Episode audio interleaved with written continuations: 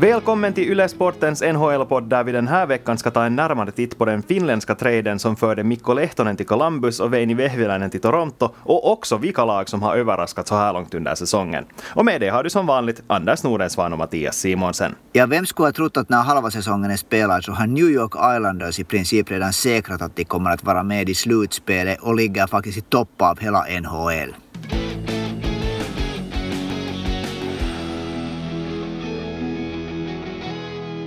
Ja, vi har ju talat om Mikko Lehtonen här i podden och kanske framförallt hur lite speltid han fick i Toronto. Så att han sen såldes till Columbus i utbyte mot Veini Vehviläinen som i sin tur inte hade en värst ljus framtid framför sig i Blue Jackets med tanke på deras målvaktstrupp så känns det här ju åtminstone som en win-win situation. Men håller du med Anders, är det faktiskt så? Jag tycker ju att det inte är en speciellt win-win situation på det sättet. Jag tycker inte att Toronto gör hemskt smart i att träda bort en, en, en spelare av Mikko Lehtonens kaliber. Men det där nu är det ju så att de har en annan syn på det. Ur Mikko Lehtonens synvinkel så är det säkert en, en, det där, en, en fin situation att få en chans. Han kommer kanske till ett lag som är, som är lite rörigt för tillfället. Situationen där är inte helt i balans. Det kan visa sig vara också positivt. Man vet ju aldrig hur det blir. Veni Vehveläinen åker till Toronto och det är nog inte ett lätt ställe, ett lätt lag, en lätt stad, en lätt omgivning för en målvakt att, att komma till. Att det där, jag är inte hundraprocentigt säker på att det här är hemskt bra för Vehviläinen men att som du säger så Blue Jackets kanske inte heller var rätt organisation för honom. Visserligen så sägs det fortfarande att någondera av Korpisalo eller Merslikin ska vara borta innan nästa säsong börjar. Det finns mycket att säga om den där situationen i Columbus, men om vi börjar med Lehtonen och hans situation i Toronto så det här att du lyfter fram att Toronto kanske inte gör det här smart så jag menar om de nu har kommit fram till den här slutsatsen att de inte ville använda honom så lika bra kan de sälja honom då i så fall för en målvakt som faktiskt har kapacitet att eventuellt utmana om platsen som en NHL-keeper. För jag menar, vad gör man med en back som man inte använder? Man vet att man har en spelare som andra lag är intresserade av så lika bra sälja honom i så fall. Och jag tror faktiskt att Columbus är en plats där han kan uppskattas i och med just att Jarmo Kekäläinen är general manager där. En general manager som är finländsk som vet vem Mikko Lehtonen är, vet vad Mikko Lehtonen går för. För eh, han fick ju inte spela i Toronto. Det finns inte någon annan klubbchef i hela NHL som antagligen visste egentligen vem den här Mikko Lehtonen är för typ spelare. Så jag tror att av alla klubbar dit Lehtonen kunde ha sålt så är det kanske till och med Columbus som var det mest optimala i det här läget. För då handlar det ju kanske mest om bara det att han får spela, visa upp sig och sen kämpa nu för att få ett nytt kontrakt på sommaren med eventuellt en annan klubb som inte är lika rörig som du kallar kallade. Ja, nu är det ju faktiskt så att Columbus var, var väl ett av lagen som var allra nej, ivrigast på att få Mikko Lehtonen. Då förra sommaren, förra våren var, var det så att Kekäläinen var aktiv, aktiv gentemot eh, Lehtonen och var intresserad av honom. Nu han valde Toronto. Ja, du har ju helt rätt i det där att varför ska man då hålla en spelare när man av någon orsak då coachen helt enkelt inte verkar gilla hans sätt att spela. Mikko Lehtonen berättade ju själv i en intervju för, för Yle Urheilu att, att han tycker att han har gjort allt helt okej okay och han har hemskt svårt att förstå varför hans spel inte dög. Han sa det ganska klart att någon annan får förklara det. Att jag tycker att jag har varit bra. Och det tycker jag låter liksom bra med, Lehto, på, med tanke på Lehtonens framtid. Att han, han åtminstone inte på bas, basis av det vad han säger så har han inte tappa självförtroende. Och sen blir det ju väldigt intressant nu i Columbus då att Mikko Lehtonen kanske inte heller är den där urtypen av spelare som John Tortorella uppskattar hemskt mycket om man nu har en, jag vet inte, en stereotypisk syn av vad Tortorella väntar av sina spelare. Så Lehtonen kanske inte riktigt den typen av spelare men å andra sidan så måste de ju göra någonting Columbus. För de har inte ännu tappat chansen att gå till slutspel. Det har de inte, ska vi säga. Nej, och sen kan man ju också kanske tycka att det inte direkt var backtruppen som var problemet i Columbus. Vi vet ju, vi har ju sagt det flera gånger här i podden också, det verkar råda konsensus ute i, i den stora ishockeyälskande världen också. Det är faktiskt en center som de behöver, någon som kan driva spelet i offensiven. Men eh, med tanke på det så är ju Mikko Lehtonen en sån. Han är en sån back som ska, ska få ansvar i anfallsspelet också. Ska eventuellt få spela powerplay till och med för att faktiskt kunna ta ut alla sina styrkor som han har som ishockeyspelare. Han, det som vi såg i Toronto var ju det att han gjorde det väldigt bra också defensivt. Stod inte för några så här enorma tabbar åtminstone. Men eh, ja, som du säger, vem vet hur det kommer att se ut med John Tortorella nu. Patrick Laine har ju verkligen fått erfara till exempel det här att det är inte riktigt så där bara att få speltid i det där laget just nu. Men det, det som faktiskt är precis så att de behöver nog en sån här eh, puckförande, spelskapande back. För nu har ju faktiskt Seth Jones har inte varit riktigt sig själv, men den som speciellt inte har varit riktigt sig själv, Zach Werenski, han, har, han gör hela tiden misstag och verkar ganska osäker för tillfället. Att e- en sån här det där kille som kan gå in och jag hoppas nu verkligen att Mikko Lehtonen går in i ett av de två första backparen i det där i Columbus. Att han inte blir tredje backparets liksom säkrande kille för då är det nog igen åt skogen.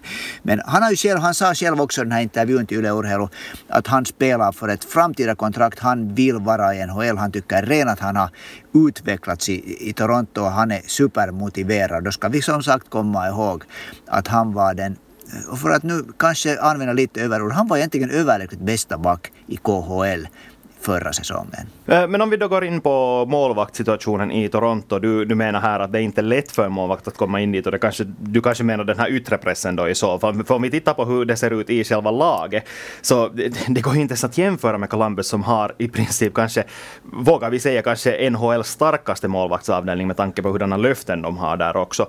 Men Toronto, Fredrik Andersen gör nu som startande målvakt, han sitter på det utgående kontraktet. Jack Campbell, Michael Hutchinson, de två andra som nu har spelat i NHL och i AHL sen Ian Scott och Joseph Wall. Så inte det här heller namn som direkt är sådana som man förväntar sig att ska vara en startande målvakt för ett lag som förväntas gå långt i Stanley Cup-slutspelet. Och förstås, ja, både Scott och Wall är unga. Vehviläinen är också ung, bara 24 år gammal. Och jag vet inte, jag har åtminstone inte någon orsak att inte tro att han inte skulle kunna ta det här nästa steget. Nej, men då ska han nog inte läsa tidningar eller, eller det där, följa med sociala medier för att av någon Nå, kanske det inte är en underlig orsak av den orsaken att ishockeyatmosfären i Toronto är helt hysterisk och en stor del av de här medierna också finns där som följer med hockey så är ju nog Toronto specialiserat på att helt enkelt checka upp målvakter. Att, äh, målvakter, målvakter har nog en väldigt tuff situation. Det är säkert inte inom laget tufft på det sättet men att just den här yttre pressen och, och att på något sätt då uppleva att, att man blir godkänd. Om en, målvakt, om en målvakt har lite också osäkerhet i sitt självförtroende så, så är, nog, eh, är nog Leafs inte en klubb som är jätteskön att spela i.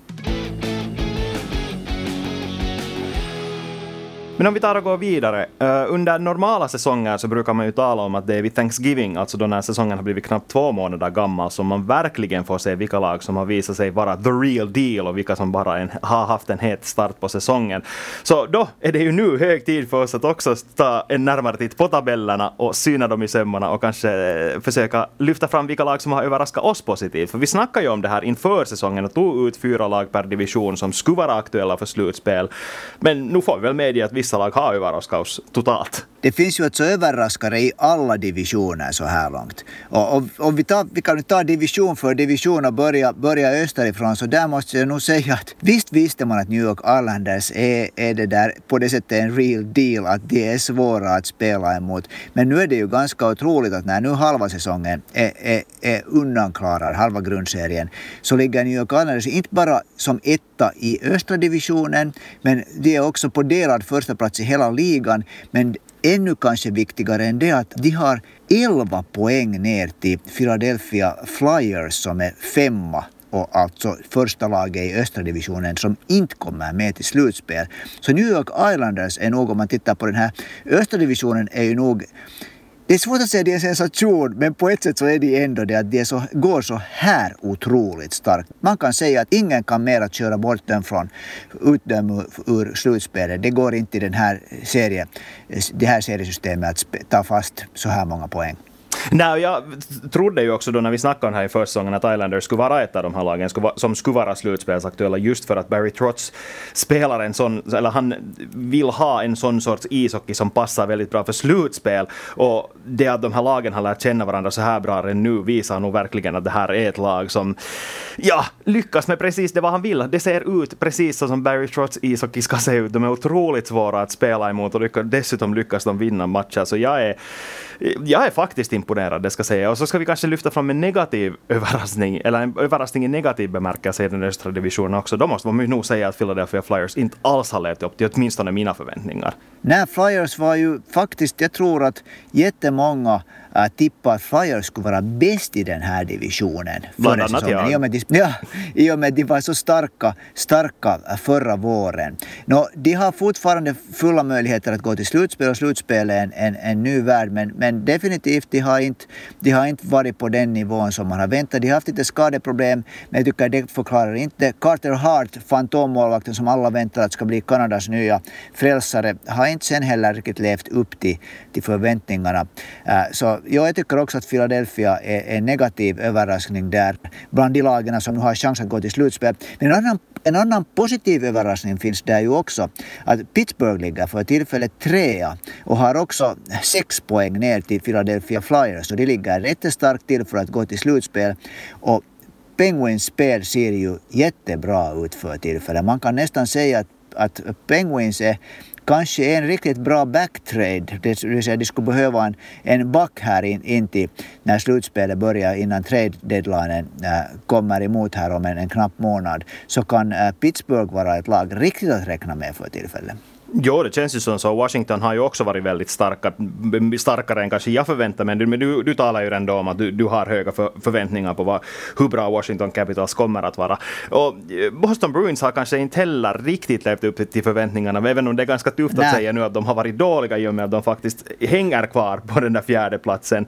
Uh, och det känns ju nu som att det kommer att vara just Boston och Philadelphia, två i förhand sett kanske de starkaste lagen i den här divisionen, som kommer att göra upp om den här sista slutspelsbiljetten och det är ganska roligt. Ja, det är verkligen. Ja, ska vi säga att jag tror att den här trion Penguins, Bruins och Flyers kommer nog ännu. Det kommer att, det kommer att vara ganska eh, grymma möten. Det kan, det kan vara den sista matchen som avgör vilket lag som faller ut, det vill säga sista matchen i grundserien. Men hej, Ska vi ta en annan division? Då om vi går lite mot, mot mitten av kontinenten, det vill säga ta Central Division.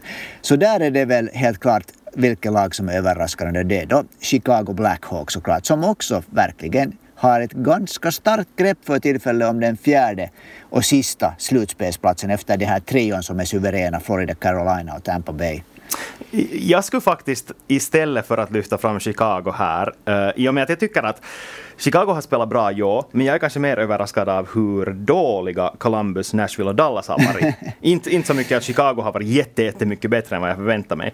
Istället skulle jag ta fasta vid att en sak som du nämnde där, att ett visst lag har hört till de här, den här suveräna topptrion, nämligen Florida Panthers. För det hade jag nog verkligen inte trott. Carolina kändes redo att ta ett nästa steg till att verkligen vara ett topplag i NHL. Tampa Bay, regerande Stanley Cup-mästare, ska förstås vara där uppe och fightas. Men att det är Florida Panthers som toppar hela divisionen, det känns ju osannolikt. No, jag tror ju att det där att om jag, jag tror ju att om jag minns rätt så tippar jag att Florida kommer att vara bra innan säsongen. För jag tycker att deras, deras laguppställning helt enkelt såg så bra ut att det skulle kräva ett verkligt misslyckande att inte, inte gå starkt. Det är ju verkligt hugget som stucket mellan de här tre lagen, Florida, Carolina och Tampa Bay. Endera dagen är ena uppe i toppen. Det är för tillfället så har Tampa Bay Lightning då 40 poäng efter 27 spelade matcher medan Florida har 42 poäng efter 28 spelade matcher och Carolina är däremellan med 41 poäng. Så det här är, det är tre lag som, som är verkligt jämna. Ja, Chicago Kanske det där, no, jag är överraskad. Jag trodde att Chicago skulle vara näst sist i den här divisionen just före Detroit. Columbus tycker jag att egentligen är ungefär som kanske väntat att det är där tampas om en, en femteplats, kanske en sista slutspelsplats. Nashville och Dallas har ju nog varit Främst kanske Dallas har nog varit en, en stor besvikelse. Så ska vi komma ihåg att Dallas har spelat flera matcher mindre än de övriga på grund av de här coronaproblemen. Men, men det där Dallas börjar nog ha varit så långt efter nu att det kan vara jättesvårt för dem att, att spurta fast, något, speciellt Chicago då. Jo, men alltså deras, trots att de, alltså poängmässigt så är de ju nu näst sist, ja, men deras poängprocent är inte heller bättre än femte bäst i den här divisionen. Ändå klart sämre än Chicagos Nej. till exempel. Så inte, det, där, det förklarar en del, men det ger inte den hela förklaringen. De har ju ändå spelat 24 matcher, så jag tycker absolut att vi kan dra vissa slutsatser gällande dem. Men det som jag skulle lyfta fram som det roliga i centraldivisionen ur ett finländskt perspektiv är ju att vi har en finländsk stjärna i tre av de här fyra topplagen som bara har varit en verkligen en bidragande orsak till att de har spelat så bra. Alexander Barkov spelar sitt livs bästa ishockey just nu, Sebastian Aho en ledande stjärna Carolina och sen måste man ju igen lyfta fram Kevin Lankinen som första målvakten i Chicago Blackhawks där han gör ett urstarkt jobb. Så det är ju det är verkligen glädjande. För att inte då också säga att, att i både i Nashville och Dallas så finns det ju en, en, en blåvit stumme nästan som, som är hyperviktig för de här lagen om de, ska, om de ska gå långt, om de ska kunna spurta fast. Och i Columbus finns det för ett tillfälle en, eller två, ja, Jonas Korpisalo såklart som är, som är målvakt, men Patrik Laine som alla väntar att ska bli, ska bli det där någon som kan göra någonting, göra skillnad. Så att det är faktiskt centraldivisionen är nog en division med det där mycket stora äh, finländska intressen. Men om vi går vidare till västra divisionen då och där är det ju framförallt ett lag som jag tror att vi båda har på våra papper här som vi vill lyfta fram som den stora överraskaren och det är ju Minnesota Wild. Näst bäst av alla känns ju nog väldigt otippat.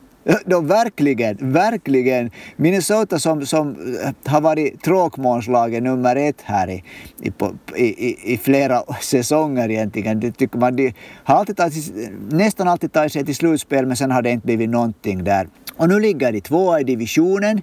De har också åtta åtta poäng, ursäkta sju poäng ner till femman så Minnesota är nog starkt på väg mot slutspel. Och det där, fast nu inte Mikko Koivu mera finns där, fast inte Mikael Granlund mera finns där, så än en gång så är det ändå en, en finländsk spelare som verkligen har en stor, stor inverkan i att det går så bra för Minnesota. Ja, alltså ska vi kanske nämna det målvakten Kaapo Kähkönen som vi menar här, som ju har varit minst lika fenomenal som Kevin Langen har varit i Chicago. Kevin Langen har ändå kanske trots, eller på grund av att han har ett visst förflutet i ishockeylandslaget och en viss VM-turnering i Bratislava 2019 så är det kanske därför som man hypar honom mer än vad man kanske gör med Kaapo Kähkönen. Men nu har ju, sett, sett i siffrorna så gör ju Kähkönen en bättre säsong.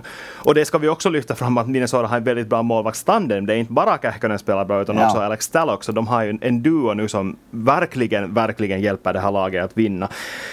Men det finns alltid en parentes när man talar om den här västra divisionen och det är det att de här, botten, fyr, de här fyra bottenlagen faktiskt är väldigt dåliga i jämförelse med de här fyra topplagen just nu. Och Minnesota Wild kändes ändå som ett lag som är ganska i mitten, ett sånt där som ska vara aktuella för den där sista slutspelsbiljetten. Jag hade då inför säsongen vill jag minnas att jag sa att det var de eller Arizona som skulle vara de här aktuella och jag kanske ja. liksom lutar mer mot Arizona då. Så på visst sätt, jag är inte en överraskning att de är med i slutspelsresan, men att de har spelat så här bra är faktiskt en, en, positiv, en positiv överraskning gällande Kähkönen så måste vi ju komma ihåg att, att ja, äh, Lankinen vann det här fantastiska bragdguldet i Bratislava, men Kähkönen var ju målvakten som steg in och tog över huvudansvaret då i den här minst sagt lika fantastiska hemma JVM-turneringen med, med Patrik Laine och, och, och Puljärvi Aho i, i huvudrollerna, men då var ju Kaapo Kähkönen målvakten som blev världsmästare där i, i, det, i det där laget. Då var det väl så att Veini Vehviläinen faktiskt inledde som första målvakt målvakt men Kähkönen tog liksom över det ansvaret, eller minns jag fel? Och hur är det då med den norra kanadensiska divisionen? Finns där någon som har överraskat? Jag tycker åtminstone om man tittar på T1-kvartetten just nu, Toronto, Winnipeg, Edmonton, Montreal, att jag vet alltså det känns som att man ska kunna tippa det här före säsongen också, att det ser ut så här. Men ändå, vad, vad skulle du lyfta fram? No, jag är överraskad över Winnipeg. Jag hade, inte, jag hade inte tippat att Winnipeg skulle vara bland de fyra bästa. Jag trodde att Calgary skulle vara där, där bland de fyra bästa och, och, det där, och Winnipeg inte riktigt hänga med där. Jag tippade dem som femma eller sexa tror jag. Det där, men det är ju, där är det också. Toronto har ett litet försprång som visserligen har lite krympt här på senaste, under senaste dagarna. Men sen har vi då Winnipeg, Edmonton, Montreal och, och Calgary, de är inom fem poäng. Så att Calgary, Calgary har 31 poäng, Winnipeg Jets 36 poäng. Och fast man har spelat lite olika mängder matcher så, så är det ändå när, när de här matcherna är så täta så är det nog det är en kamp som, som det där. Så har vi nu Vancouver på 30 poäng här. Så de här slutspelsplatserna i den norra divisionen efter Toronto kommer nog att bli stenhårda. Så att den, den kampen kommer att bli tuff. Jag är, det där, jag är överraskad över Winnipeg, att de har gått så här bra. Mm.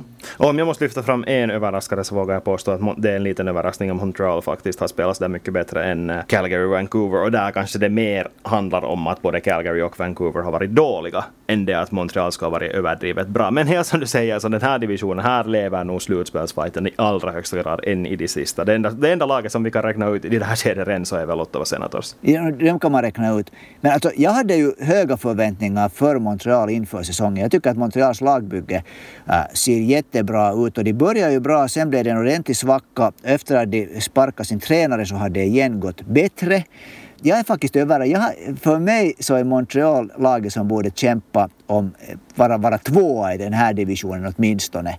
Det där, no, jo, kanske inte åtminstone, nu ska väl Toronto vara etta. Så det där, jag är lite negativt överraskad över Montreal. Jag tycker att de, har, att de borde vara högre upp än det. Men det är så små skillnader. Det blir, de här sista par månaderna, en och en halv månad tills grundserien tar slut, kommer nog att bli helt otrolig i, i hockeytokiga Kanada. Det är ju det. Och också när man jämför med de här andra divisionerna så känns det nästan som att det är relativt spikat i de här andra, eller det är väldigt få lag som gör upp med de här slutspelsbiljetterna. Så som det ser ut nu, nu, nu ska vi ändå minnas att det är mycket som återstår av den här säsongen och mycket ja. kan ännu hända. Men ändå känns det lite som att om vi tittar, om vi börjar från Central till exempel, så här är det, det är Chicago, det är Columbus och det är i bästa fall Nashville. Äh, ursäkta, Dallas ju förstås som hör till de här som, som kommer att göra de här tre. Chicago, Columbus, Dallas högst antagligen som kommer att göra upp om den här sista slutspelsbiljetten. Tre lag som kämpar om den sinsemellan. Östra jämn också, men där tar det nog slut, vågar jag ändå påstå, efter Philadelphia. Det är de här, den här tätkvintetten som finns där. Rangers har varit dåliga, Devils har ingenting att säga om saken och Buffalo behöver vi inte ens kalla ett NHL-lag för tillfället. och så har vi då den västra där också tätkvartetten känns spikar. Vegas, Minnesota, Colorado, St. Louis. Inte, inte kommer någon av de här, de här lagen att, som ligger efter dem just nu att för, antagligen ta sig förbi dem. Men kanske fascinerande ur, om man tänker på hur hockeyn i NHL ser ut att den här kampen i östra divisionen att ett av lagen, Pittsburgh, Boston och Philadelphia kommer att bli utanför slutspel.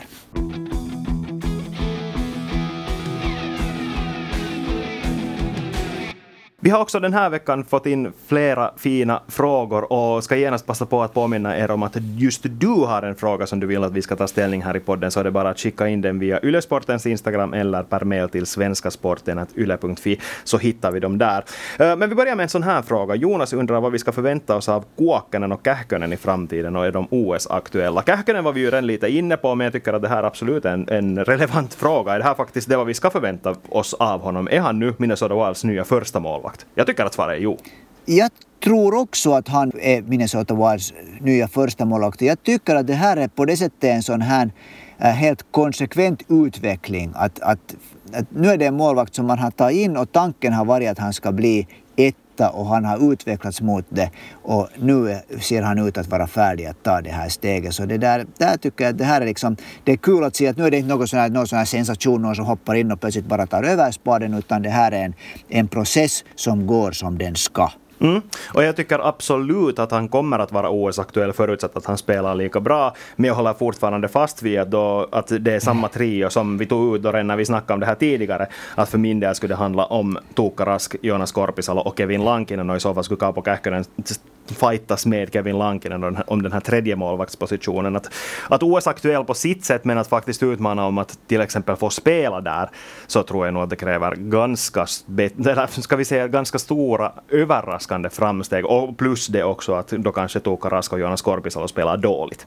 Ja, det är en härlig situation med tanke just på OS att när den här, den här bredden bland de finska toppmålvakterna i NHL är ju ganska exceptionell för tillfället. Så det är, liksom, det är ju det är ingen människa i världen faktiskt, om vi ska vara helt ärliga, som nu kan säga att vilka tre av de här är om ett knappt år liksom på toppen. Alla, alla har en möjlighet att ta ett steg framåt, vara helt sjukt bra. Vem som helst av dem kan också tappa formen. Det är inte första gången en målvakt plötsligt börjar rasa neråt. Och så tycker jag det som är ännu fascinerande att, att Tuukka Rask har ju på ett sätt en sån här biljett om han nu inte gör bort sig som målvakt, att det där att, att det ska vara mycket till för att han inte blir med i laget. Men så har vi då Jukka Jalonen som, som är tränare och han har vunnit VM-guld med Kevin Lankinen och JVM-guld med Kaapo Kääkönen. Så jag tycker att det på många sätt är ganska, eh, det är, det är en härlig grej det här och någonting som säkert kommer att följa med i Finland otroligt noga nästa höst när det verkligen OS börjar närma sig. Mm, exakt. Men hej, före vi går vidare till Janne Kuokkanen så måste vi ta ställning till också en fråga som Eddie har ställt och han undrar om Kevin Lankinen är aktuell för Calder Trophy, årets bästa nykomling. För det här är ju ett race där vi nu har två finländska målvakter med. Det är både Kevin Lankinen och Kaapo Kähkönen som ju också är en nykomling i NHLs ögon, trots att han har spelat fem matcher tidigare säsonger. Så eh, det, det, liksom det känns ju nu som att det kan gå väldigt bra för finländarna i det här racet. Men så ska vi också komma att Kirill Kaprizov gör en otroligt bra rookie-säsong, likaså i Minnesota Wild. Så hugget i sten är det inte att det blir en finländsk målvakt, men vi skulle ju vara kul om det är Kähkönen eller Lankinen. Nu ska det mycket till att inte Kirill Kaprizov som har 24 poäng på 26 matcher och är faktiskt spelaren som har att det är han som gör att, att Minnesota Wild är ett lag som plötsligt är igen roligt att se på. För han är liksom en artist, han gör fina grejer och han, är liksom, han gör det värt att gå och se på Minnesotas matcher. Inte för att någon får gå och se på den för tillfället, men sätta på, knäppa på televisionen och, och, och kolla det, den, den vägen. Så, så Kirill Kaprizov är nog, tror jag, ganska långt på rymmen när det gäller att ta hem Calder Trophy. Men Janne Kuokkanen då, vad säger vi om honom? Är det här en överraskning att han har spelat så pass bra som han ändå har gjort? Eh, vi snackar ändå fem mål i NHL, inte alls fy skam. No, ett, ett, ett lag som det där inte har några, några grymma poängkanoner. Nej, alltså Kuokkanen, den första tanken är ju att man är, man är överraskad. Jo, för att han har varit lite sån här doldis. Han blev, han blev reserverad samma år som Laine och Puljärvi, Olli Juolevi. Han var inte med i JVM-laget det året. Han var med sen de två följande åren, 2017-2018 när det gick dåligt för juniorlejonen. Och åkte redan 2016 på hösten till, till OHL, alltså juniorhockeyligan. Där han gjorde 62 poäng på 60 matcher så fast han inte har spelat ännu många matcher i NHL så han har faktiskt varje år som han har varit i Nordamerika så har han i den, på den serienivå som han har spelat, i den liga som han har spelat, ursäkta mig, så har han varit verkligt bra faktiskt. Ja, och jag tror att han också har flugit lite under radarn just på grund av att han har vuxit upp i den här åldersklassen där de största stjärnorna faktiskt har slagit igenom så otroligt snabbt. För om man tittar på den här traden som skickade honom till New Jersey i fjol, alltså den som egentligen huvudsakligen rubricerades som den som skickade Sami Vatanen från New Jersey till Carolina. Mm. Så då skickade ju Carolina då Janne Kuokkanen bland andra till New Jersey Devils. Och då tycker jag redan att snacket gick då uh, i New Jersey som att hej, att här har vi faktiskt en, en kille som verkligen kan bli bli bra, som är lite sån här doldis, men som ändå kan stiga fram och spela i NHL relativt snart. Det är en kille som faktiskt är nära att ta det här steget. Och det har han ju nu bevisat att han har varit. Ja, och just, just när du nämner det här att vad man tänkte i New Jersey när han kom dit. För han hade den här säsongen 2019, äh, 2020 så spelade han då i Charlotte Checkers och, och Binghamton Devils. Och Han spelade sammanlagt 56 matcher den säsongen i AHL och gjorde 48 poäng. Och det är bra. För AHL är faktiskt en liga där man gör mindre mål. Det blir, det blir mindre poäng för de här toppspelarna än det blir till exempel i NHL. Det kanske låter lite förvrängt men så är det. Att 48 poäng i, på 56 matcher i AHL, det är tufft. Ja, men äh, är Kuokkanen OS-aktuell då? Det känns ändå kanske lite långsökt. Vem vet vad som händer under det här året, men att han skulle faktiskt stiga fram så pass mycket och spela så pass bra att han skulle utmana om en plats som en av de här 12 forwardsen som kommer att platsa i truppen, så mm, det känns långsökt. Ja, jag håller med dig. Så hinner vi kanske med en sista fråga ännu. Det är Jan Anders som undrar när vi ska börja spekulera om NHL-spelare i VM. Och det här är inte första veckan som vi får in den här frågan, så jag tänkte att det kanske är lika bra att ta ställning till den nu redan, för att vi har kommit fram till att det är ganska svårt att göra, för att det är helt enkelt omöjligt att säga om det ens kommer att finnas NHL-spelare i VM. Grundserien NHL tar slut den 8 maj, VM börjar i samma tider. Vi vet inte om NHL-spelarna tvingas sitta i någon karantän före de får spela i, i VM, om de ens av klubbarna får tillstånd tillstånd att göra det. Och om grundserien faktiskt kan avslutas den 8 maj eller om man tvingas förlänga hela säsongen.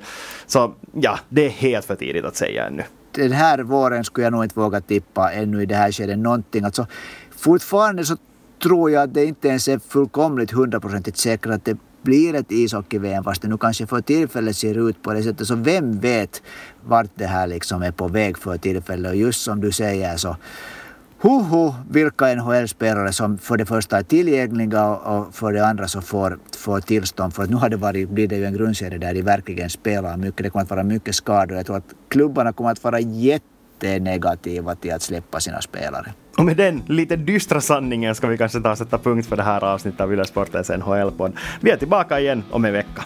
Tack och hej!